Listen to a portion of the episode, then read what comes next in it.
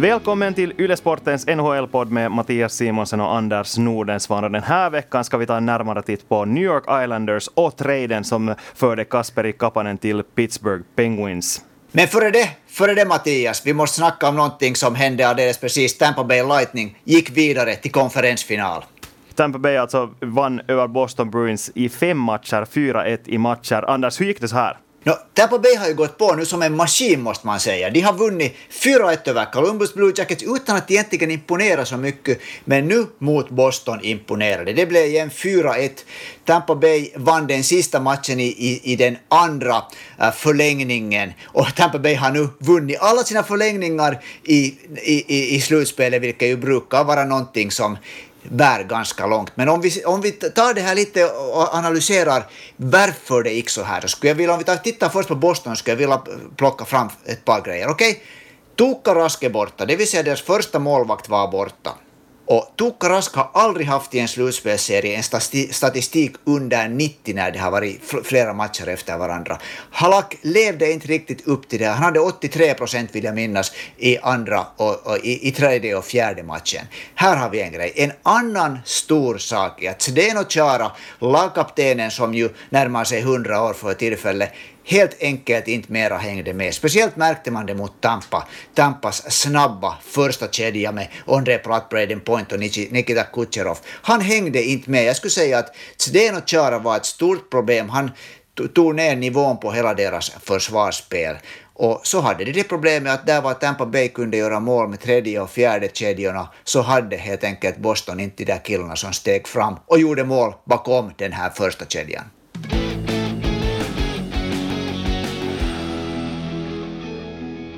Tampa Bay Lightning är alltså klart för konferensfinal i den östra konferensen och det lag som just nu ser ut att göra dem sällskap så det är New York Islanders. De leder med 3-1 i matcher mot Philadelphia, ett Philadelphia Flyers som var glödhett i slutet av grundserien då före, före coronaviruset ställde till det. Men nu är det faktiskt New York Islanders som är bara en seger ifrån att ta sig vidare. Anders. hur, hur ser du på den här matchserien?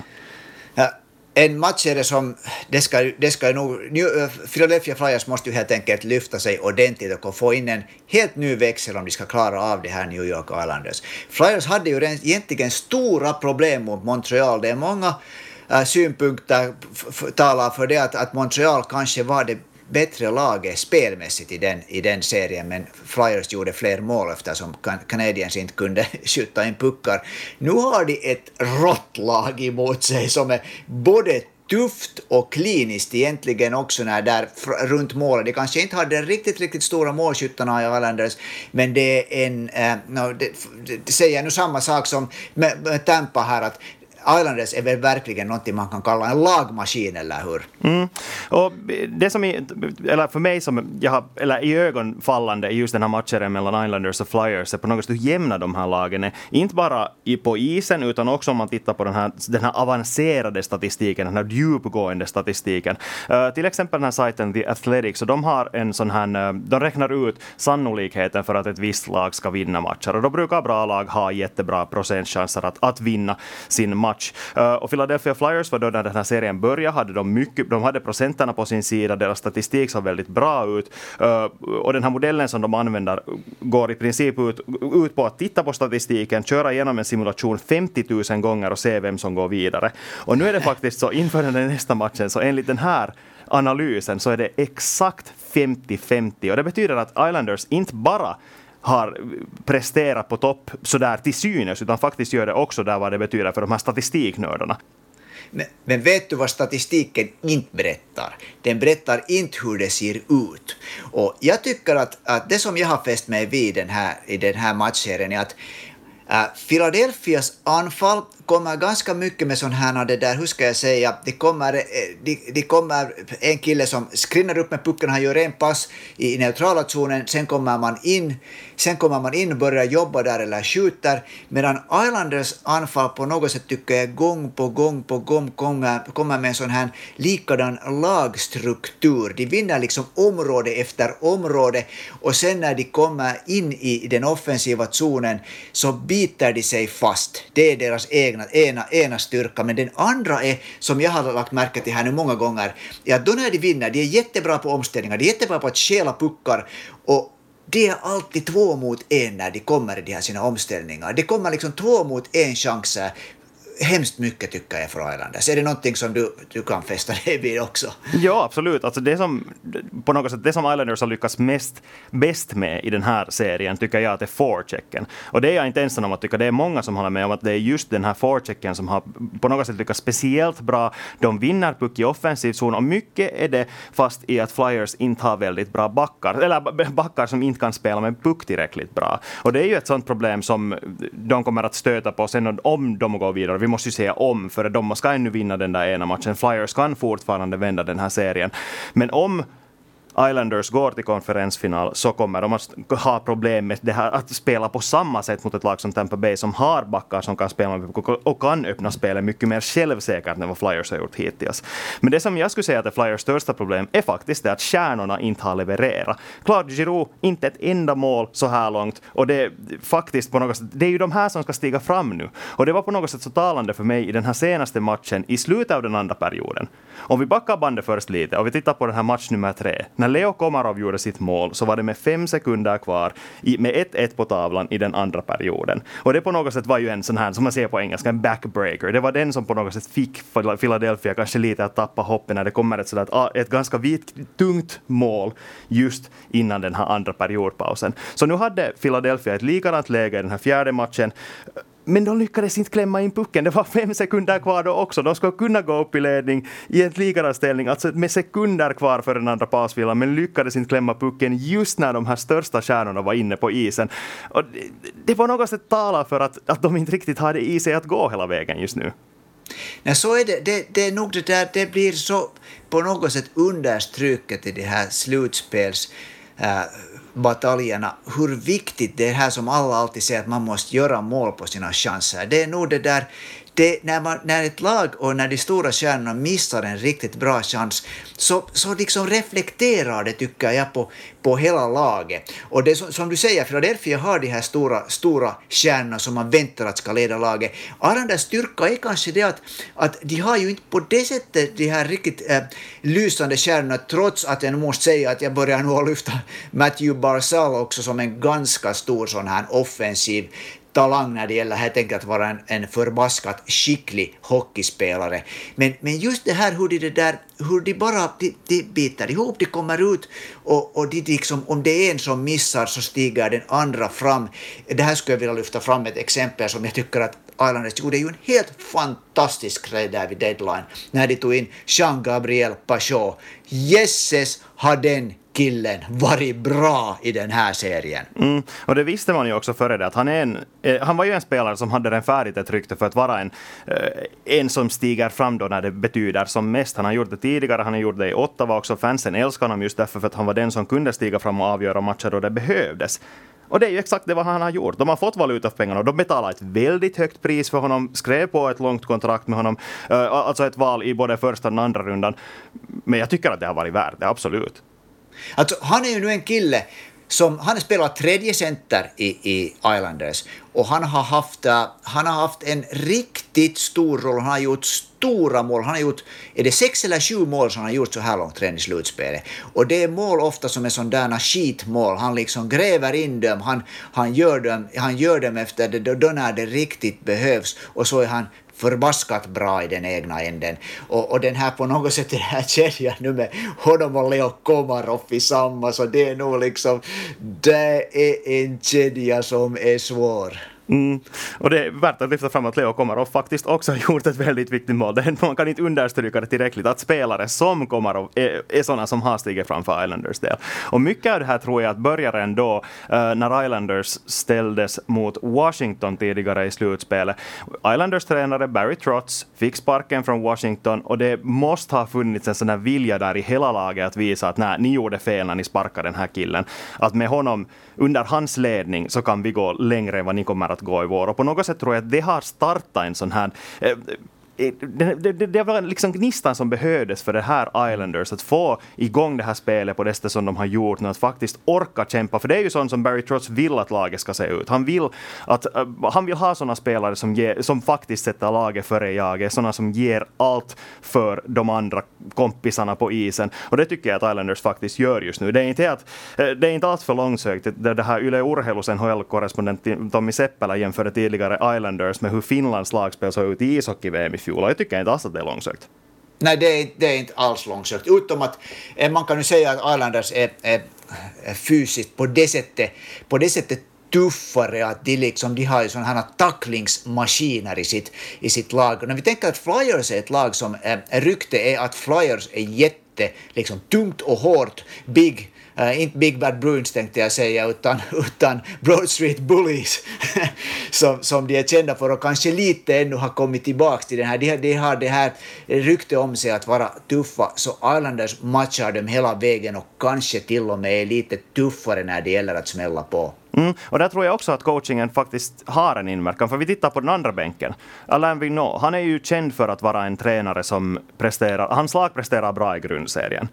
Vi tittar Vancouver Canucks, New York Rangers. Båda lag som gick hela vägen till Stanley Cup-final, men där tog det slut. Att frågan är, eh, är han liksom rätt man att leda ett sånt lag som ska försöka spela en sån där fysisk hockeystil? Och är han överhuvudtaget en sån coach som vet hur man faktiskt tar ett lag hela vägen? För att igen ta den här parallellen till Isak i fjol, så han var Kanadas landslagstränare. No, just det, det ja, kanske inte ett sammanträffande. Och, om trots, jag hörde Kimmo Timonen äh, kommentera äh, Barry Trots här, som Timonen spelar ju åtta år för honom. Och han sa att han är inte överraskad för att i Barry Trotts lag så är det bara så att han är på samma sätt, han är på, på, på liksom, han är en fadersfigur på, på ett sätt som inte, inte drar sig från att komma och klappa en på ryggen och snacka med en, men så tittar han en i ögonen och säger att spelar du inte nu bättre, gör du inte nu det här som jag säger, så sitter du på bänken. Han, han, det där, han, är liksom, han är lugn, förtroendeingivande, men samtidigt krävande. Han är en sån här, på ett sätt tycker jag, en, äh, en blandning av att vara en lite så modernare coach och en, en, en, jag tycker inte om egentligen att använda den här termen gamla skolans coach, jag kommer inte nu på något bättre, men han är liksom, han är krävande på det sättet, men han liksom, han tar de här spelarna till sina liksom, han håller dem nära sig. Mm. Det är alltså matcher kvar ännu i den här matchserien. Vet inte ännu hur många som krävs för att någon ska gå vidare. New York Islanders behöver alltså bara vinna en och just nu känns det som att de faktiskt kommer att ta den här segern förr eller senare. Och när man kollar på sociala medier, på kommentarsfält på olika sajter så känns det faktiskt också som att Flyers-fansen har gett upp. Det är mycket, mycket snack om, inte om att vad de ska göra för att kunna vända den här matchserien utan vem de ska värva efter säsongen för att det ska kunna gå bättre nästa år. Eller vad tror du? Tror du att Flyers kan vända det här eller är det bara så att Islanders kommer att gå vidare? Det är bara en tidsfråga. No, jag tror ju att Islanders kommer att gå vidare. Och, och Flyers, jag tycker att Flyers på något sätt kom lite in med med fel fot i det här slutspelet, för de hade varit så glödhetare på vintern, de spelade bra i den här round robin, eh, eh det där omgången, och så hade de jättestora problem mot Montreal, spelmässiga problem. Och nu vet vi ju alla att, att när det är spelmässiga problem så kryper det in liksom under i, i, i bakhuvudet. Fast, fast man skulle vinna matcher så kan det hända att man vet kanske inte borde ha vunnit den här matchen. Medan då ett lag som det där tror på sen och tycker att hej, vi vinner för att vi är bättre, har alltid ett lite, en liten fördel. Så jag tror att, att att Flyers måste nog på något sätt vakna helt om om de ska kunna vända, vända på den här äh, steken. Och, och det krävs också att, att, att Islanders, båda Islanders utmärkta målvakter på något sätt måste vika ner sig. För att om den ena inte lyckas så tar de ju in den andra. Så att nej, Islanders går nog vidare härifrån.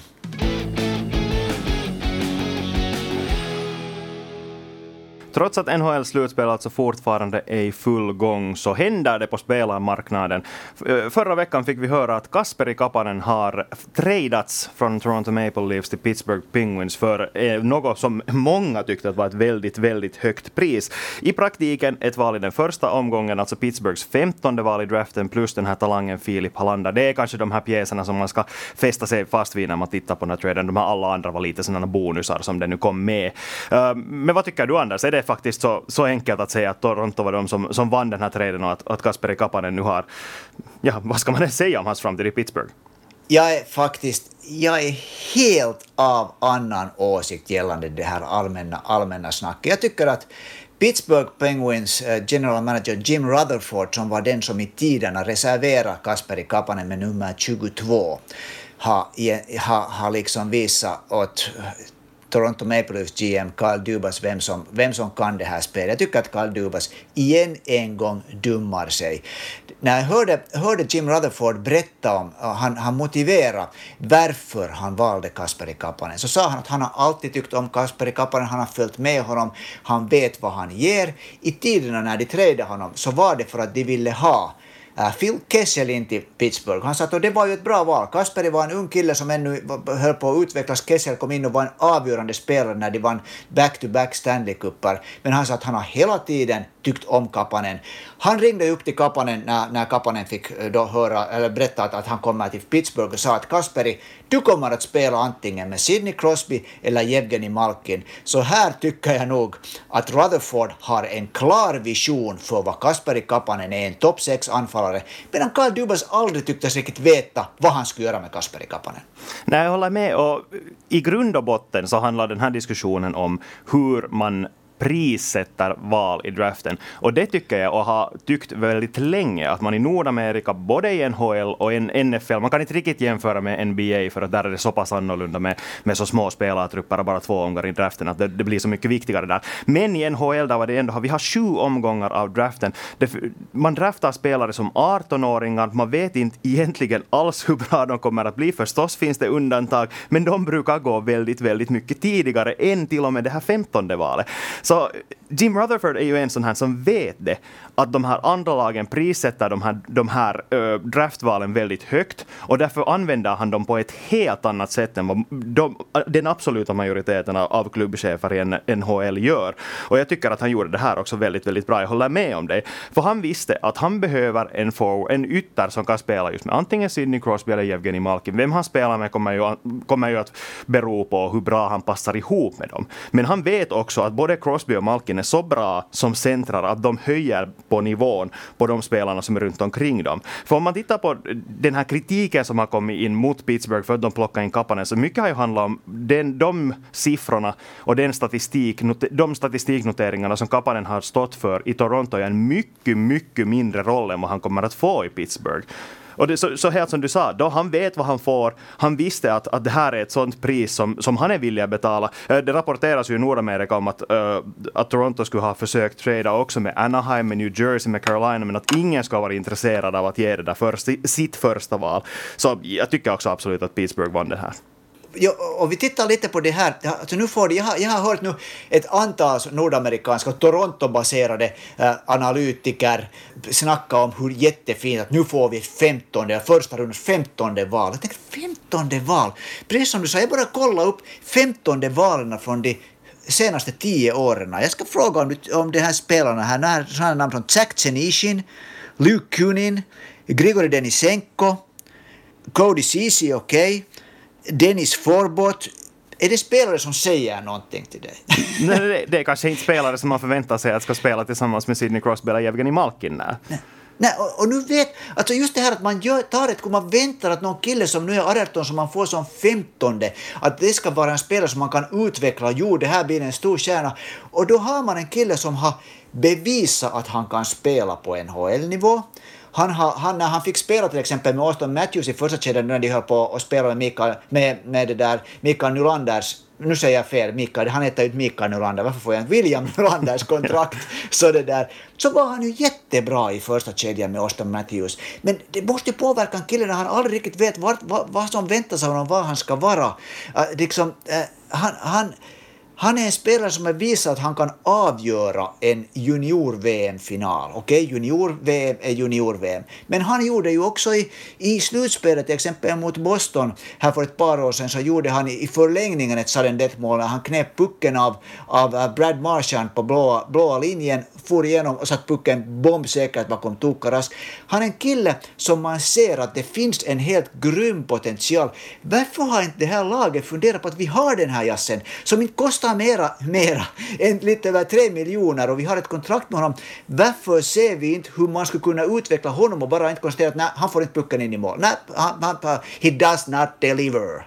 Mm. Och det där just hans lön är någonting som jag tror att Pittsburgh också hade i åtanke när de gjorde den här dealen. För då, de visste, Rutherford visste att han har ett, ett femtonde val i draften som han kan i princip köpa vem som helst. Och man kan ifrågasätta om Kapanen faktiskt är den bästa spelaren som man får för det priset. Som vi tidigare konstaterade, att det, det här är någonting som de andra klubbcheferna uppskattar väldigt, väldigt högt. Men problemet är det att nu efter att de trädde in Kapanen så har de bara knappt 800 000 i, upp till lönetaket. Så inte skulle man ha fått en sådär värst mycket bättre spelare för den här samma pengarna. Kapanen har ändå ett relativt långt kontrakt för att vara så ung spelare. Uh, han sitter på ett, sådär, ett brokontrakt men inte, inte ändå ett sånt som tar slut nästa år. Utan man vet att man har några år till att utnyttja den här mästerskapsfönstret som fortfarande är öppet där men som vi måste konstatera att det är inte öppet värst länge.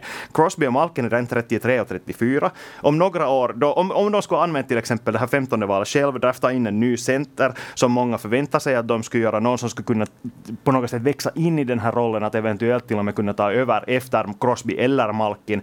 Så det tar flera år för dem att göra det. Och då har det här mästerskapsfönstret redan stängt i princip och de väntar redan på att det nästa ska öppnas med den här nya spelaren som etta. Så jag ser det åtminstone som mycket, mycket vettigare att plocka in en spelare som kan leverera just nu. Och just det här du talar om, om, om, om uh, Penguins koncept. De har ett kristallklart spelkoncept. Yttrarna ska vara snabba, snabba, de ska skrinna benen av sig. De, när, när Pittsburgh Penguins får pucken, de får den ofta vid egna blåa linjen när de bryter ett anfall, så pang, då far man iväg och det ska gå undan. Och Kasperi Kapanen hör absolut till de snabbaste skridskoåkarna i hela NHL. Och skridskoåkning, skridskoåkning, skridskoåkning, det är det vad NHL hela tiden mera och mera handlar om. De har ett koncept och han passar in i konceptet. Kan någon berätta åt mig egentligen vad är Toronto Maple Leafs koncept? Det är det som är frågan. Men du, alltså, du, du sa här lite tidigare att du inte riktigt förstår vad Carl Dubas tänker på. Vill du lite förklara? Vad tycker du att de, Toronto borde ha gjort istället? Jag tycker att Toronto borde ha gått in för att, att tänka på, sin, på, på sina för, på backar, för det är där var felet ligger. De borde, de borde ha, få in Eh, de kommer att få, om de bara förstår sig på en att de har en kille som kan bli riktigt bra, de kommer att få in Mikko Lehtonen dit. De skulle behöva en riktigt tuff, bra back som, som håller tätt där nere, som gör den första passen eh, bombsäkert och som liksom kan vara lite en sån här liksom fadersfigur där nere. Och sen skulle de behöva, tycker jag, en riktigt sån här tuff center till, en sån här Jean-Gabriel Pajot-typ dit. De skulle liksom, de, det vad de borde göra är att de skulle sluta och tro att man, att man det där, äh, no, det här är lätt att säga, sluta och tro att de bara kan spela en sån här superoffensiv glad hockey äh, och, och gå långt. De måste inse att i NHL så måste det där, kanske inte på detta försvaret först, men spelsättet det här kompakta spelsättet först, annars kommer man aldrig att vinna någonting. Mm, jag håller delvis med, men allt som du säger kräver att man gör någonting för att skapa utrymme för de här spelarna. Och ett sätt att göra det är att träda bort spelare som Kasperi Kapanen. Med det sagt så tycker jag inte att just Kapanen var det stora problemet. En årslön på tre miljoner är inte riktigt någonting som man använder i sig för att skaffa en rivig center eller, eller en kärnback. Mm. så är det. De, de måste hitta på en bättre lösning, framförallt för den här kärntrion Matthews, Tavares, Marner. Då är det kanske Marner som, som borde sitta och lösa men det gör han ju knappast. Nej, är liksom, han, är en kanadien, han, han, är en kille som hör till deras, liksom, jag tycker han, de marknadsför Toronto Maple Leafs med Marner. Men det där, jag har ingenting Men inte kan man betala så här mycket för en ytter, det är liksom det som är problemet. Fast man använder det... honom för marknadsföring, så han är ingen Alexander Ovechkin.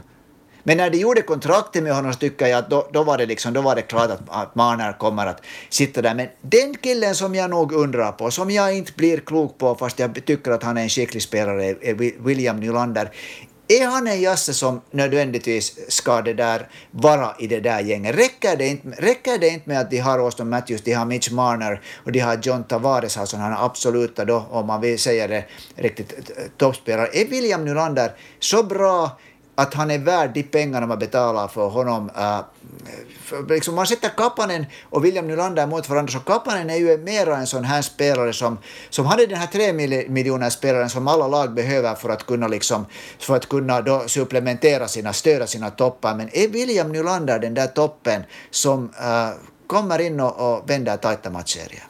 Ja, alltså problemet med William Nylander är i mina ögon det att han inte riktigt är tillräckligt konsistent på den nivån som han spelar. Det, det är väldigt svajigt. Nu såg vi redan i slutspelet så här långt att han inte alls höll den nivå som, nivå som förväntas av honom. Och eh, då, alltså jag, jag måste hålla med dig. Alltså, vad, vad har han för lön? 6 miljoner i året? Så det, Sju var det väl? Ja. Så det, det, är helt för mycket för en sån spelare och då, då kan man fråga sig om det inte skulle ha varit vettigare att träda iväg Nylander än Kapanen. Men, men så ska vi inte heller glömma att för Kapanen, ur Kapanens perspektiv så är det här nog glädjande.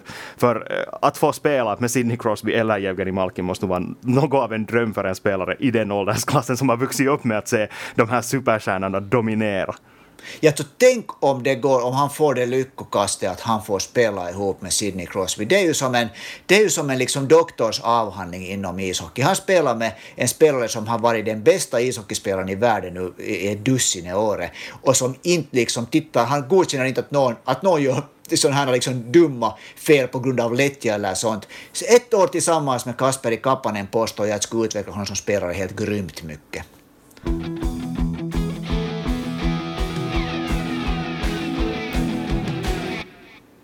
Och på tal om spelaraffärer så går vi in på publikfrågorna. Ni har igen skickat in massvis med frågor och förslag och det är vi väldigt tacksamma för. Och Anders, jag tänkte att vi direkt tar itu med den frågan som Sami har ställt oss, nämligen kommer Laine att stanna i Winnipeg efter nästa säsong? No, jag tror ju att Laine kommer att stanna i, i, i Winnipeg om de, bara, om de bara visar att de vill ha honom. För att om vi tänker på, på det där, på Laines roll i Winnipeg Jets, så jag skulle säga att om vi ser på, på anfallarna där och tänker att Blake Wheeler börjar kanske så småningom att vara på väg ut. Han är, han, är, han är det där gammal, han har kanske ett kontrakt ännu i sig. Men nu är det ju, nu är det ju Scheifele, äh, Laine och Kyle Connor som de fem, sex åren ska framåt vara liksom spelarna som Winnipeg bygger sitt anfall på. Mm. Och det här är kanske en fråga som grundar sig i rykten som har kommit från Kanada om att, att Lines, Patrick Laine skulle kunna användas för att träda in just en andra center som, som man ofta efterlyser för just Patrick Laine och eventuellt en annan spelare också. Men, men det känns nog långsökt faktiskt. Jag måste hålla med dig. Jag, jag, tror inte... De ser en framtid i Laine, speciellt när han tog så stora steg framåt den här säsongen. Så nej, jag, jag har jättesvårt att säga att de skulle träda bort honom. Om vi sen tittar på om han personligen skulle välja att lämna så då, då tror jag inte heller att han är den sortens spelare vet du, som, som känner att han, så han vill söka sig till rampljuset, att han vill söka sig till New York Rangers eller Los Angeles Kings och bo med alla superstjärnor, utan han, han verkar som en kille som, som nöjer sig med att, med att vara där, vara spelet rullar på. Winnipeg har en, en, en ljus framtid framför sig fortfarande. Han har en nätuppkoppling för sin Playstation och sina Battle Royale-spel, så jag tror, jag tror nog att han stannar. På något sätt känns det som att, som att det är lite ett sånt här han sa, han sa när han kom tillbaka till Winnipeg förra hösten att det där hade skrivit sitt kontrakt på två år att han slår vad för sig själv. Han kommer att vara en avgörande spelare för Winnipeg. Han kommer att, att visa att han är jättebra. Jag, jag, på något sätt, jag tycker att han inte verkar den killen, som den killen som bara skulle säga att okej, okay, nej, nej, nu får det vara, jag försöker söka mig lycka någon annanstans.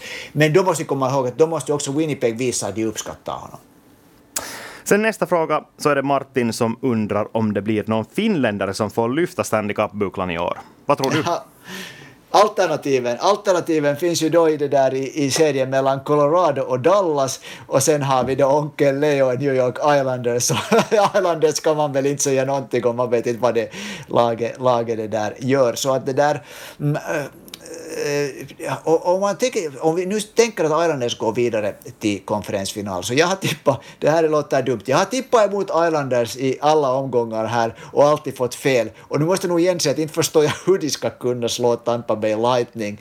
Så då blir det väl då att, att det laget som kommer ut ur serien mellan eh, Dallas och Colorado som för det där äh, får Vegas emot sig. Jag tror att det laget, vilken det än, än har, är, har en större möjlighet att slå Vegas än vad Islanders har att slå Tampa. Vad säger du? Uh, jag håller med om att Vegas... Uh, jag ska säga Vegas är den största förhandsfavoriten i väst. just mm. nu. Colorado-Dallas, så om Colorado håller, håller, lika, håller samma offensiva nivå som de gjorde i den här senaste matchen mot Dallas, uh, så tror jag att de kan vara väldigt svåra att stoppa oberoende hur tufft och hur ruggigt ditt, ditt lag är.